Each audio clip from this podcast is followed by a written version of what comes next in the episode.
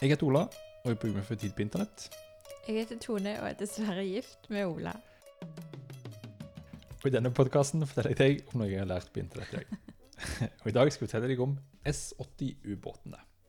S80-ubåtene. I 20... Av og til bare gjentar jeg det du sier. jeg Ja, det er ingen det er. naturlig liksom, hva skal, hva skal, Hvordan skal du egentlig reagere? I 2013 så skulle Spania sjøsette sin nye ubåt S80. Sa du i 2013? Ja, Så seks år siden. Ja. De skulle lage fire sånne helt like, eh, men de begynte da med den ene. Han var omtrent ferdig, og nå skulle de bare teste alt virket før de liksom slo på stortromma og lanserte den. liksom. De hadde brukt 4,4 milliarder kroner på å lage den. Og så puppet den ut i havet, og så sank den til bunns. det sånn syns jeg er så løye. Er dette en militærubåt? Ja, militærubåt. Ja. Spansk militær. Mm. Der måtte de hente opp med kraner. Ja. Og etter veldig mye frem og tilbake så fant de ut at ubåten, som kosta 4,4 millioner- milliarder kroner, den mangla oppdrift. Altså, han, han fløyt ikke. Den var for tung. Fantastisk. Eh, Ja, det har de ikke regnet på, da. Jo, de har regna på det.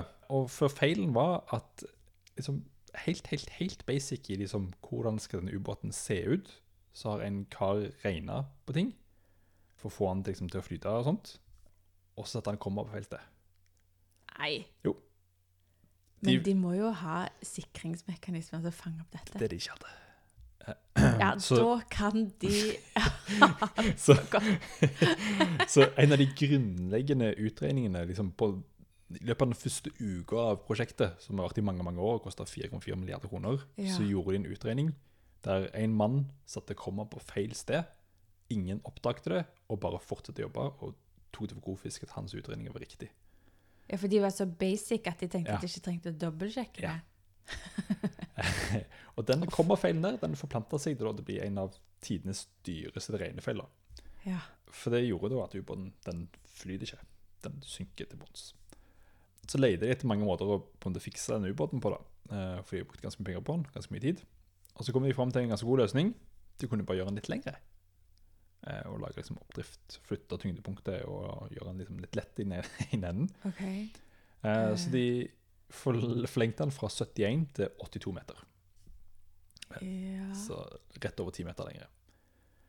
Eh, og da ville han få den oppdriften han trengte, og det stemmer. Så de gjorde det. Den jobben kosta 5,4 milliarder kroner. Mer enn den opprinnelige kosten for hele ubåten. Land. Og det vil ta ni år å utføre det. Nei, da det jo Kan de ikke bygge en fra scratch, eller da? Eh, Jo, man skulle jo tro det, men det er vel noe stolthet, og det er jo mye sånn De har en annen Den stoltheten der har jo fått seg en alvorlig knekk Ja. Det, ja, men det er liksom bare båten, for det er noe teknologi inni den båten som er sånn supernytt, som oh, ja. de heller ikke har fått til å virke eh, riktig. For det, han går på etanol, da, som er en sånn kjempemiljøvennlig og god måte å ha i en ubåt. Ikke ha Mm. diesel. For dieselen da må du opp ganske ofte for å lufte ut, for dieselmotoren forurenser jo inni ubåten. Ja, dette her merker jeg at jeg aldri har tenkt på helt framdriften til en ubåt. Men Ja. dette har du jo rett i. Tradisjonelt sett Mm. så går de i diesel. Noen, Det finnes jo atomubåter som har en reaktor i seg, og den forurenser jo ikke. Mm. Så der må de bare rense lufta, men de kan være unna veldig lenge.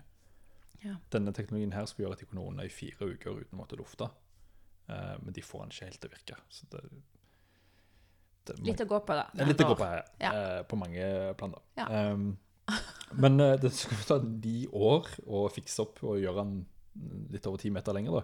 så han er ennå ikke ferdig. Eh, han blir ferdig i 2022. Det er langvarig. Eh, og nå eh, at jeg jo dokumentere at uh, nå oppdaget de da at um, han blir 82 meter lang. Alle kaiene deres er 78 meter lange, så han kan ikke legge til kai. Hei! Nei, De har ingen kai han kan legge til. fantastisk. Eh, Så nå må de utvide alle kaiene sine òg, for å kunne ta imot den nye ubåten når han er klar om tre år. Og den utvidelsen er estimert til å koste 160 millioner kroner. Så, Det er et sånn eh, prakteksempel på Molboland, syns jeg. ja, så de, de lager da S80-ubåten, som bare synker rett til bunns. Ja. De fikser det med å betale mer enn ubåten kosta opprinnelig. De det. Og så nå, når de nærmer seg og har gjort det ferdig, så kommer de på at å ja, han må jo legge til et sted. Og det har de ikke Så da må de fikse det òg. Ganske godt jobba. Ja, Og- ja, Alt dette her, en kommafeil. ja. Ett individ satte komma feil sted i første uken av prosjektet for snart eh, 15 år siden. ja én prosjektleder glemte å sette inn Ja, dobbeltkontroll. Det er noen prosessgreier her òg, selvfølgelig. Ja. Eh, Jeg kjenner jeg forsvarer den veldig. Ja, han- Eller dama. Vet du hvem det var? nei, enn så lenge så han, han er anonymisert Oh, ja. for hans eget eh, ve og vel. Huff a meg.